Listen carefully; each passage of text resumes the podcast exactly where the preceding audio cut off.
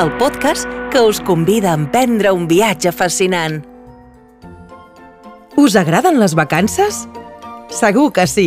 Les vacances deuen ser de les poques coses que a tothom ens agrada, però no a tots ens agrada passar les vacances de la mateixa manera. Hi ha gent que es queda a casa ben tranquil i està a la mar de bé, i hi ha gent que necessita fer les maletes i viatjar a l'altra punta del món. Hi ha qui potser lloga un apartament o una casa, d'altres potser tenen una caravana i d'altres potser fan un creuer. I després hi ha gent que té una segona residència. Sabeu què és? És un pis o una casa que es fa servir per viure-hi temporalment, normalment durant les vacances o els caps de setmana. Doncs heu de saber que fa més de 2.000 anys els romans més rics ja tenien segones residències. Pel territori del voltant del nucli de Tàrraco, l'actual Tarragona, hi havia parcel·les on es construïen residències anomenades viles. Algunes, les més humils, eren centres agraris, on es treballava la terra per abastir la ciutat, explotacions ramaderes o fins i tot indústries, com ara terrisseries. Però d'altres eren segones residències luxoses, envoltades de jardins i ornamentades amb mosaics i escultures. I a 12 quilòmetres de la ciutat de Tàrraco, on ara hi ha Altafulla, n'hi havia una d'espectacular. Avui us donem la benvinguda a la vila romana dels Munts.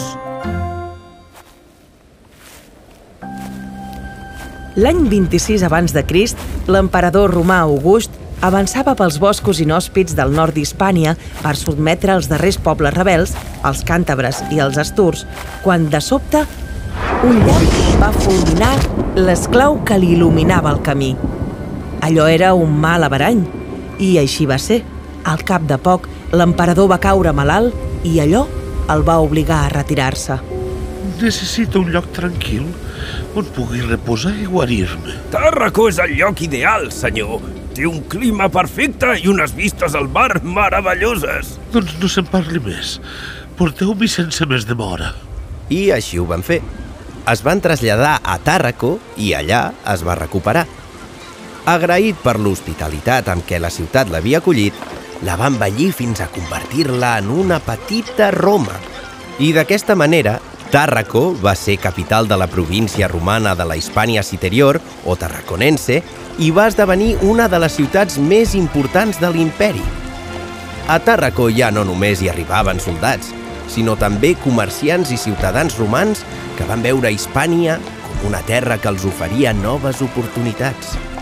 Als afores del nucli, tot i que encara formaven part de Tàrraco, hi havia les vil·les, que normalment eren centres d'explotació del territori per abastir la ciutat, com si diguéssim els masos de l'època romana.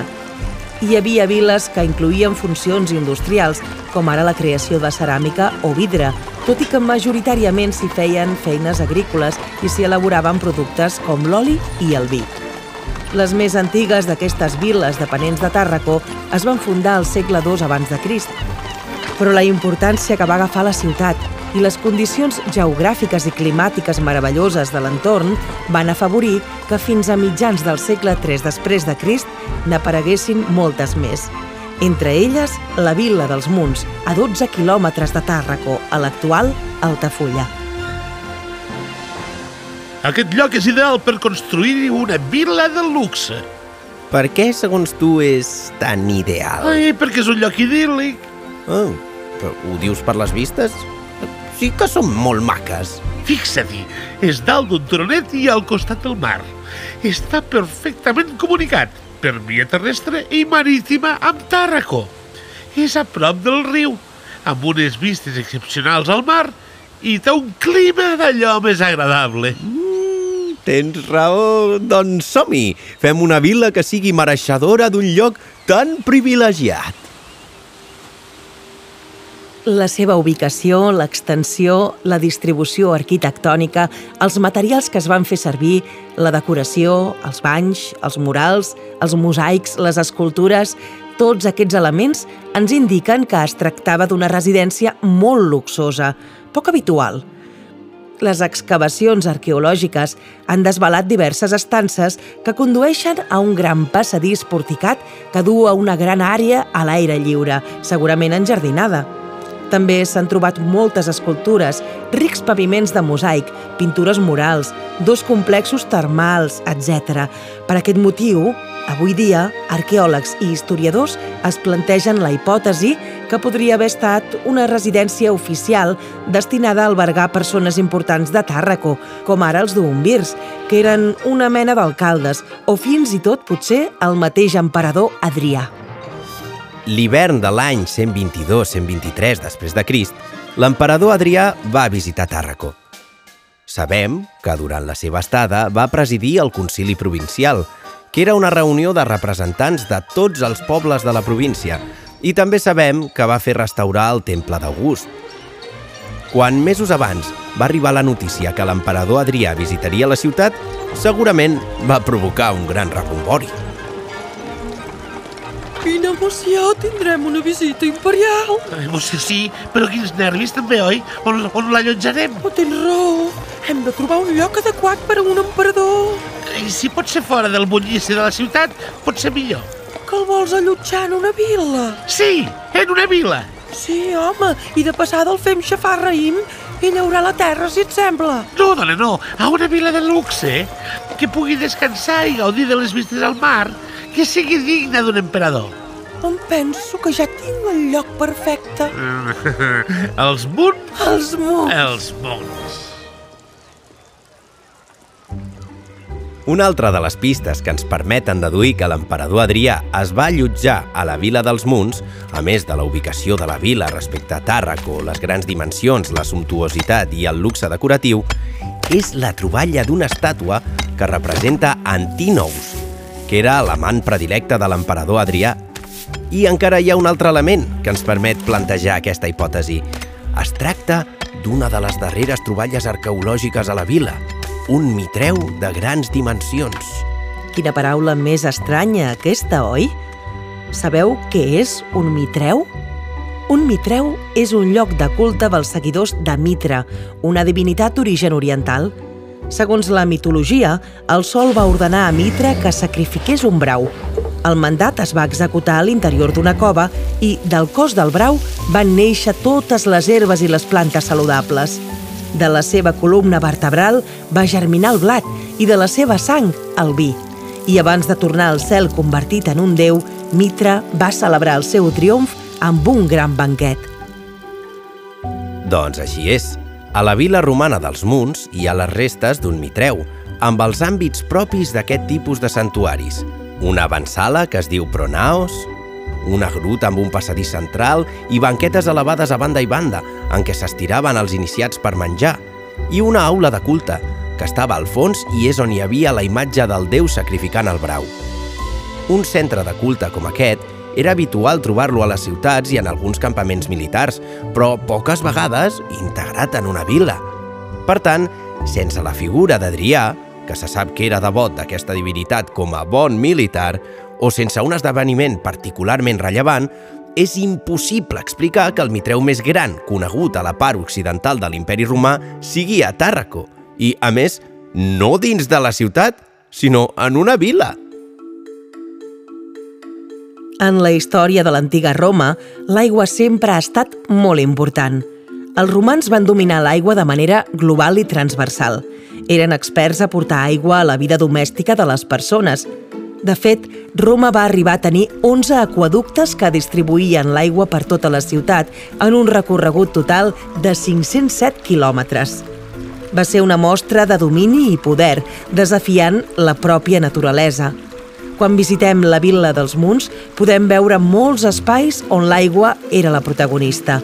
Fonts, estanys, piscines i, encara que no ho sembli, van tenir molt en compte com no malgastar-la quan van construir la vila. L'aigua és vida. Hem de pensar bé com aprofitar-la al màxim. La recollirem del riu i la portarem fins aquí amb un aqueducte. I a la part alta de la vila hi disposarem uns dipòsits que recolliran l'aigua de la pluja. He traçat tot un sistema de canalitzacions per portar l'aigua d'una zona a l'altra, mira. Oh, perfecte! També situarem una cisterna aquí i dues més allà baix. Amb uns conductes soterrats farem arribar l'aigua als banys. I quan l'aigua s'hagi de renovar, què en farem? a les latrines. Oh, ben pensat. Imagineu quina enginyeria d'aigua hi havia als munts, que a més de l'aigua que proveïa els espais com les piscines dels banys, els sortidors i les fonts, també hi havia tot un sistema de rec dels camps situats al costat de la vila, perquè, tot i que a la vila hi predominava el caràcter residencial i d'esbarjo, una part dels edificis i dels espais es destinava a l'explotació agrícola de l'entorn i destaca una gran cisterna rectangular, compartimentada en vuit àmbits comunicats entre ells, que encara conserva la canalització exterior orientada als camps de conreu. I també tenim evidències de diferents sistemes d'emmagatzematge, sitges i dipòsits. La vila dels Munts la coneixem gràcies a les excavacions arqueològiques que s'hi han fet des de fa molts anys. Cada campanya ens en descobreix noves dades i amb elles podem conèixer com era la vida en aquesta residència o, fins i tot, cosa que no acostuma a ser habitual, podem esbrinar qui hi va viure. Als anys 60 es va trobar un segell personal de bronze on hi havia inscrit el nom del propietari, Caius Valerius Avitus. Investigant, es va descobrir que aquest personatge havia estat d'un vir de Tarraco, la seva màxima autoritat, com una mena d'alcalde. També sabem que Caius Valerius Avitus no era nascut a Tàrraco, sinó que venia d'Augustòbriga, que avui dia és Muro de Àgreda, a Sòria, i que havia estat cridat per l'emperador Antoní Pius. Amb tota aquesta informació, recuperada per arqueòlegs i historiadors, és quan posem en marxa la imaginació i pensem què hauria passar a mitjans segle II després de Crist a Tàrraco. Caius Valerius, la cúria municipal us hem escollit perquè sigueu la màxima autoritat de la ciutat. Oh, quin honor més gran. Pensem que Tàrraco estarà en bones mans amb un dumbir com vos. Eh, Gràcies per aquests elogis. La veritat és que em feu molt content. Disculpeu, Caius Valerius, si bé dieu que esteu content, no sembla que aquesta decisió us faci feliç del tot. Sí, sí, no, no, no us preocupeu. El que passa és que ja sabeu que la llei obliga a un dumbir a viure a la ciutat que administra. I la meva esposa Faustina i jo no estem acostumats a viure en una gran ciutat. És l'única cosa que se'm fa una mica feixuga. Doncs això no us ha de fer patir, senyor. Segur que també sabeu que la llei us permet tenir una segona residència, oi? Eh, sí? Doncs vos i la vostra esposa quedareu meravellats de la vila que hem decidit posar a la vostra disposició. Allà, a prop de la via Augusta i de cara al mar, van anar a petar a la vila romana dels Monts, que s'havia enriquit i s'havia convertit en una finca luxosa i que, a conseqüència de l'estança de Caius i Faustina, encara s'havia d'envellir més. En una de les habitacions de la casa, els arqueòlegs hi van descobrir un mural per on sobreeixia l'aigua de la cisterna. Era una pintura amb la representació d'Oceanos, l'oceà, i una inscripció que, a més de dir-nos la capacitat de la cisterna mesurada en àmfores, ens indica que l'havien fet construir Caius Valerius i la seva esposa Faustina. Però per què diem que Faustina era la dona de? Quin paper tenia la dona a l'antiga Roma? La dona romana era al mateix temps objecte d'amor i de temor, de desig i de burla. Tant si es tractava d'una matrona respectable com d'una maratriu, una sacerdotessa o una emperadriu, era considerada inferior, segons les lleis. Però, malgrat aquest paper fonamentalment de mares i esposes, a Roma les dones van ocupar un paper destacat en comparació amb altres societats antigues. De fet, sabem que hi havia dones romanes que tenien càrrecs religiosos importants. D'altres eren propietàries i tenien esclaus, hi ha moltes inscripcions a Tàrraco que ens parlen de dones importants. Sabem que Faustina era la senyora de la Domus, dona d'un home ric i influent a Tàrraco. Potser tenia fills i molts esclaus.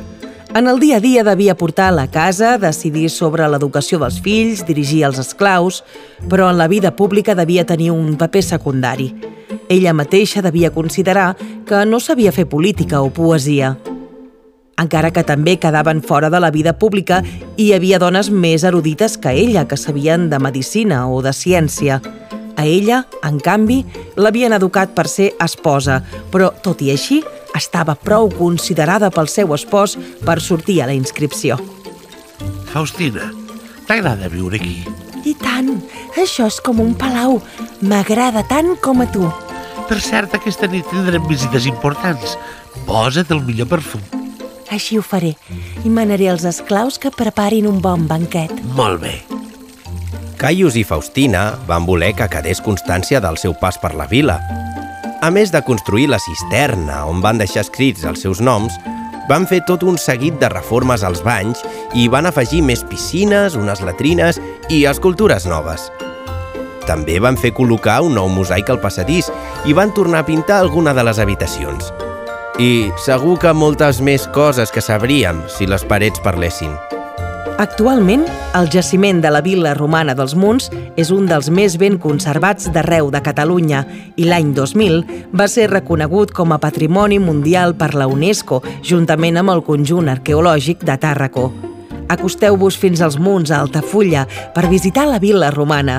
Gaudiu de l'enorme feina que els arqueòlegs hi han estat fent durant anys i sentiu-vos com uns autèntics convidats de Caius Valerius Avitus i la seva esposa Faustina.